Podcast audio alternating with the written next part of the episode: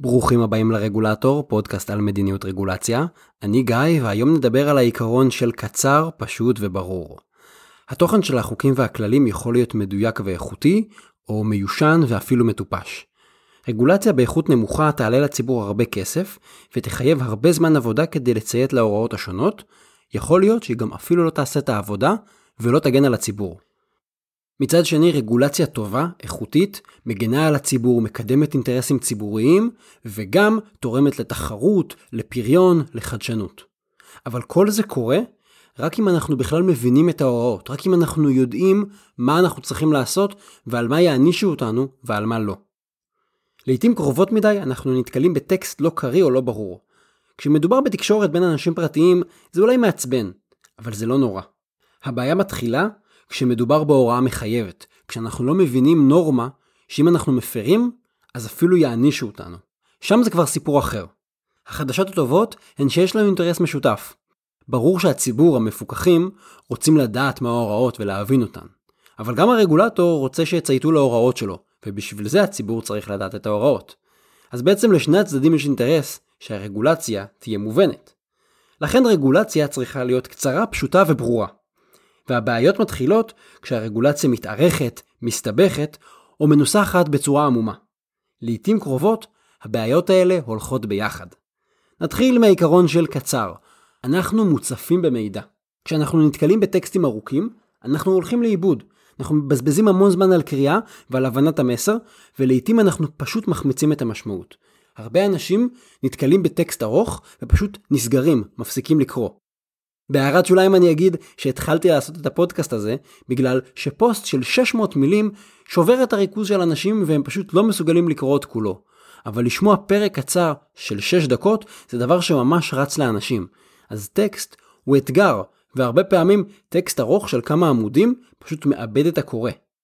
הדוגמה האהובה עליי באופן אישי, לצורך בכתיבה קצרה וחדה, נכתבה על ידי וינסטון צ'רצ'יל. הוא כתב מזכר של עמוד אחד, יש לינק בבלוג, ובו הוא מבקש מהצוות שלו כמה בקשות מאוד מאוד קשות, אבל פשוטות. הוא אומר 1. לנסח את המסמכים בנקודות, בבולט פוינט, או בפסקאות קצרות וחדות. 2. להעביר את כל הניתוחים הסטטיסטיים ואת הנתונים לנספחים. 3. לנסות להפיץ מסמכים שבנויים בכותרות בלבד שמעבירות את המסר. בלי הסברים ומשפטים ארוכים, אומר תכתבו את המסר שלכם ככותרת. ואת התיאור כבר יהיה אפשר למסור בעל פה בפגישה או כשידברו. בעצם להתחיל לכתוב רק בראשי פרקים. 4. לכתוב לעניין. תשתמשו במעט מילים ובלי ביטויים ציוריים. אתם לא צריכים להרשים אותי באיך שאתם כותבים. מה שיפה זה שהמזכר הזה של צ'רצ'יל נכתב כבר ב-1940. מאז הבעיה שלנו רק החמירה. המסמכים הופכים ונהיים יותר ויותר ארוכים. זה אולי נשמע קל לכתוב קצר, אבל זה לא קל כמו שחושבים. כמו שאומר הפתגם המפורסם, הייתי כותב לך מכתב קצר יותר, אבל לא היה לי מספיק זמן.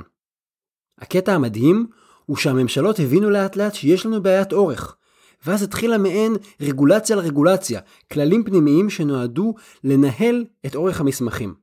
הנה שתי דוגמאות. הדוגמה הראשונה היא במשרד התחבורה בישראל. משרד התחבורה מגביל את מספר המילים שמותר להציג בשלטי דרכים. הוא קובע עד שמונה מילים או עד שמונה יחידות מידע, נגיד צירוף של תל אביב זו מילה אחת. הסיטואציה של נהגים היא סיטואציה קיצונית, אבל היא מלמדת על הכלל. נהגים לא יכולים תוך כדי נהיגה לקלוט טקסטים ארוכים. גם אין זמן, הם חולפים במהירות על פני השלט, אבל גם הם צריכים להסתכל על הכביש, הם לא יכולים כל הזמן להסתכל ימינה, לקרוא סיפורים ארוכים בתוך השלטים. השלטים חייבים להעביר את המסר בצורה מדויקת וקצרה. הדוגמה של הנהגים היא סוג של משל. כי אנחנו, כמו נהגים, צריכים להסתכל קדימה על הכביש, על הכביש של החיים שלנו. המשימה שאנחנו עושים כרגע, ללמוד, לעבוד, לקבל החלטה, לנהל עסק. אנחנו לא יכולים כל הזמן להסתכל על שלטים. במקרה של החיים שלנו, אלה יהיו נהלים, אלה יהיו טפסים, אלה יהיו חוקים. אנחנו לא יכולים כל הזמן להיות עם העיניים על החוקים. אנחנו צריכים להיות פנויים, לדעת מה דורשים מאיתנו, ולחזור לשגרה. ממש כמו נהג שזורק את העין שנייה על השלט, אבל כל הזמן עם העיניים על הכביש. דוגמה שנייה היא מפקודת העיריות.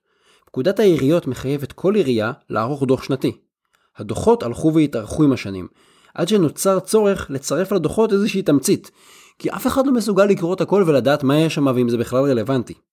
אז ב-2011 תיקנו את הפקודה, הלכו ממש לכנסת, וקבעו את האורך המרבי של תמצית הדוח השנתי. תמצית הדוח השנתי תהיה עד 3,000 מילים.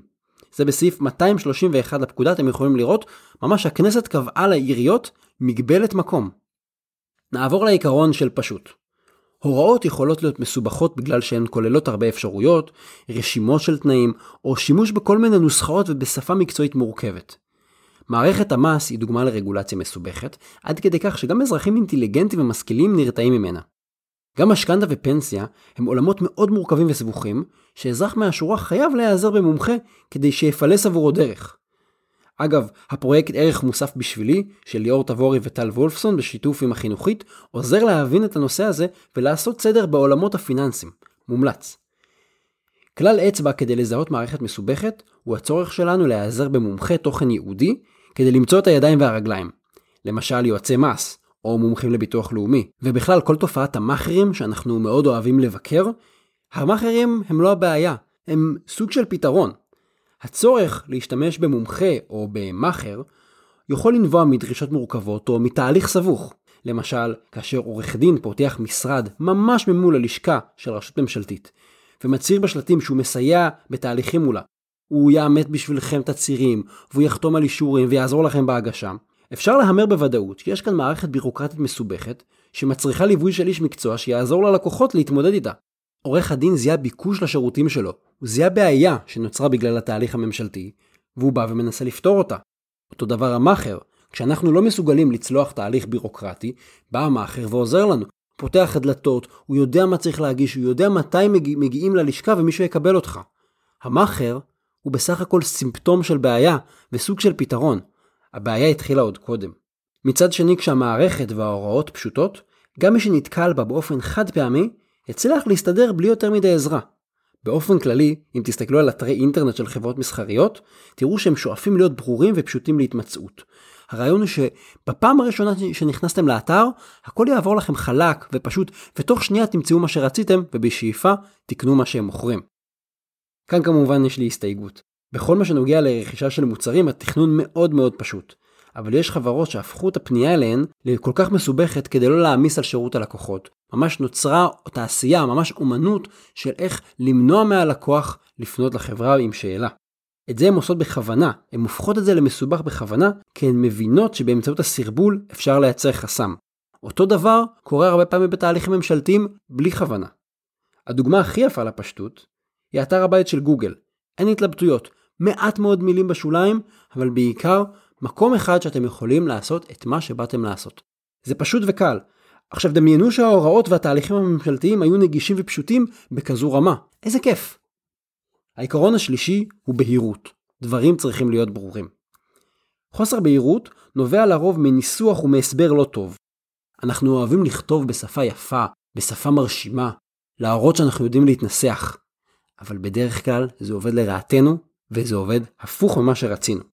הבעיה הזאת של הוראות לא ברורות נגרמת בגלל היעדר מחשבה על המשתמש, על הקורא, או בגלל שמי שכתב את ההוראה נמצא עמוק עמוק בתוך התוכן המקצועי, והכל נראה לו כל כך פשוט ומובן מאליו. כדוגמה לחוסר בהירות, קחו שלטי חנייה. נושא שהוא כביכול סופר ברור, סופר יומיומי. שלטי חנייה בעצם מפרטים כללים, מפרטים הוראות על השעות והימים בהם מותר לחנות או אסור לחנות ולמי אסור ולמי מותר וכמה זמן. יש סיפור מפורסם על עורך דין שקיבל דוח חנייה, והוא ערער עד לבית המשפט העליון, בטענה שהשעות בשלט היו כתובות מימין לשמאל. נניח היה כתוב שמותר לחנות בין 17, 5 בערב, עד 9 בבוקר.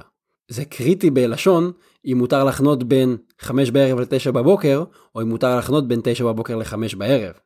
אותו עורך דין טען שעל בסיס חוקי הלשון בעברית, המשמעות של השלט היא שמותר לחנות כל הלילה, ולכן הוא חנה כדין. בינינו כל הסיפור הזה די מגוחך. והוא היה נמנע אם ההוראות היו כתובות בצורה פשוטה וחד משמעית. זה מגוחך שצריך להגיע עד לשאלות של האקדמיה העברית, אם כותבים מספרים מימין לשמאל, כדי לדעת מה הנורמה. וברור שאזרח מהשורה שלא בטוח לא ידע עכשיו ולא יכול לפנות לאיזה חוות דעת של האקדמיה ללשון עברית כדי שתפרש עבורו שלט חנייה. כמובן שכשהכללים לא ברורים, זה גם פוגע באזרחים ובעסקים, זה גם מרתיע אותם, בגלל חוסר הבהירות, הם לא יודעים מה החוקים, וזה גם מעורר בדיעבד הרבה מחלוקות משפטיות, כי מישהו ייקח את זה לבית משפט, ומישהו יטרטר את הרגולטור שקבע הוראות לא ברורות, וידרוש מבית משפט לזכות אותו, לפצות אותו על הנזק שנגרם לו. איך אפשר לעשות את זה אחרת? האמת שכמעט כל דבר, כל טקסט, כל הוראה, כל רגולציה, אנחנו יכולים לבנות בצורה יותר פשוטה, יותר ידידותית ויותר חד משמעית. עכשיו זה לא פשוט, אבל זה ממש ממש אפשרי. וניתן דוגמה אפילו לגבי שלטי חנייה. למשל, במקום לנסח באופן מילולי את שעות החנייה המותרות, למה לא להציג את זה באופן גרפי? מעצבת מלוס אנג'לס הציעה עיצוב אלטרנטיבי לשלטי חנייה. במקום המון הוראות מילוליות, לשים תרשים שבו כל עמודה מלמעלה למטה היא ציר זמן שמייצג יום אחד, מהבוקר ועד הלילה. כל עמודה כזו היא בעצם ציר זמן, והיא תהיה מחולקת לפי שעות היום. כשהעמודה ירוקה, מותר לחנות. התנאי הבסיסי לרגולציה איכותית הוא שהציבור יצליח להבין את הרגולציה ולדעת מה דורשים ממנו. האלמנט המשותף למקרים בהם הרגולציה קצרה, פשוטה וברורה, הוא מחשבה על האזרח. אכפתיות מהתהליך שהאזרח עובר, ואיך האזרח חווה את הדרישות. האתגר הזה הוא לא טכני. זו לא שאלה של איך רגולציה צריכה להיראות, איך לקצר מסמכים. זה קשה, אבל זה לא האתגר האמיתי. אפשר לייצר כללים פנימיים לגבי איך כותבים נהלים והוראות, ואפשר גם ללמוד איך לעשות את זה יותר טוב. אבל התוצאה בדרך כלל תהיה מעגל של רגולציה על איך עושים רגולציה, וזה סתם בירוקרטיה פנימית. אם נתייחס לאתגר הזה כבעיה טכנית, בעצם נמנה מישהו שכל הזמן ירדוף אחרי הרגולטורים ויפשט את השפה שלהם ויקצר את הנהלים. אבל זה לא העניין. האתגר הזה הוא מערכתי, הוא אדפטיבי. השאלה היא בעצם איך רגולטור תופס את עצמו, והאם הוא חושב על האזרח שנמצא בצד השני. כשברגע שחושבים על מישהו שנמצא בצד השני, ברגע שאנחנו שואלים מי אמור לקרוא את המסמך הזה, האם המסמך הזה קריא, הדברים כבר די מסתדרים מעצמם. יש בממשלה שני סוגים של אנשים. יש משרתי ציבור עם תפיסה שירותית, ויש עובדי מדינה שממוקדים בטכניקה ובהפעלת הסמכות שלהם. הכל מתחיל בתפיסת התפקיד. איך אתה רואה את עצמך? כעובד מדינה או כמשרת ציבור? מאחורי האתגר הטכני של לכתוב פשוט, קצר וברור, עומד רעיון מאוד בסיסי.